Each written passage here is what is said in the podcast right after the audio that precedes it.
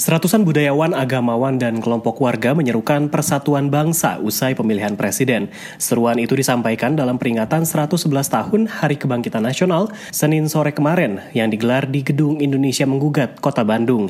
Polarisasi selama Pilpres itu sangat dirasakan di masyarakat, ujar Tuti Ekawati yang merupakan perwakilan penghayat kepercayaan. Kondisinya iya beda dengan waktu-waktu kemarin yang lagi adem-adem gitu ya.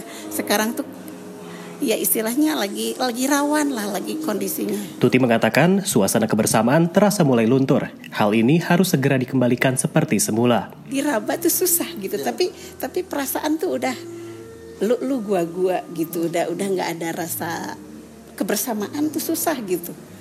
Mungkin ya ini dampak dari uh, kemarin pemilu begitu ya. Dan ternyata tidak tidak semudah untuk cair kembali. Nah, itu. Acara menjadi Indonesia di Nusantara ini dimulai dengan menjahit bendera merah putih raksasa yang jadi simbol bersatunya bangsa. Sejumlah seniman juga membuat karya lukis yang mencerminkan harapan mereka. Salah satu seniman yang turut serta, Hari Poncang, mengatakan, Kita ingin memaknai uh, peristiwa bersejarah itu dalam permenungan di dalam kerinduan kita sebagai sesama anak bangsa.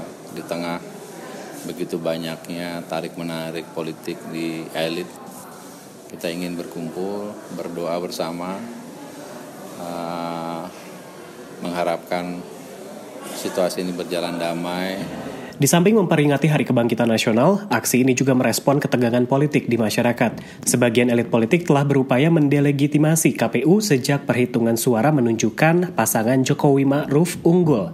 Para politisi ini yang terhubung dengan kubu Prabowo Sandi juga menyerukan people power yang mengajak masyarakat turun ke jalan menolak hasil pemilu. Menanggapi situasi itu, kelompok budayawan dan warga ini menyatakan pesta demokrasi sudah selesai pada 17 April dan perhitungan suara menjadi kewenangan penuh dari KPU. Kalau masalah yang ada di Jakarta dan sebagainya, kita ketahui bahwa itu adalah sebuah proses politik demokrasi yang memang memiliki tantangan bagi bangsa kita sendiri. KPU telah mengumumkan hasil rekapitulasi suara Pilpres pada Selasa dini hari, sehari lebih cepat dari tenggat waktu. Dalam pengumumannya, KPU menyatakan Jokowi Ma'ruf unggul dengan 55,5 persen dan Prabowo Sandi dengan 44,5 persen. Hari menekankan persatuan sebagai bangsa jauh lebih besar nilainya ketimbang hasil pemilu. Tapi kami yakini bahwa apabila kita ingat kembali titik berangkat kita, titik kita dulu bersepakat untuk menjadi sebuah bangsa dengan segala macam keberagaman, tentunya kita harus memaknai bahwa apa yang kita ributkan hari ini itu sebetulnya jauh dari cita-cita kemerdekaan kita.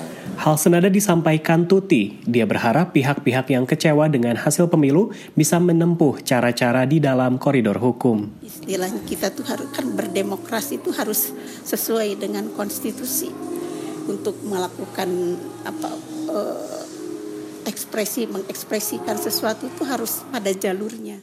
Rangkaian acara 6 jam ini diisi sejumlah penampilan seni dan orasi kebudayaan, antara lain monolog Soekarno yang dibawakan Wawan Sofwan dan orasi dari Muji Sutrisno. Para tokoh lintas agama juga membacakan doa yang menyerukan persatuan.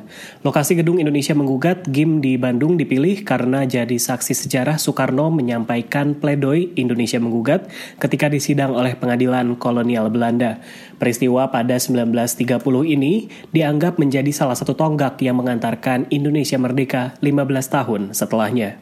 Dari Bandung, Jawa Barat, Rio Tuasikal melaporkan untuk VOA Washington.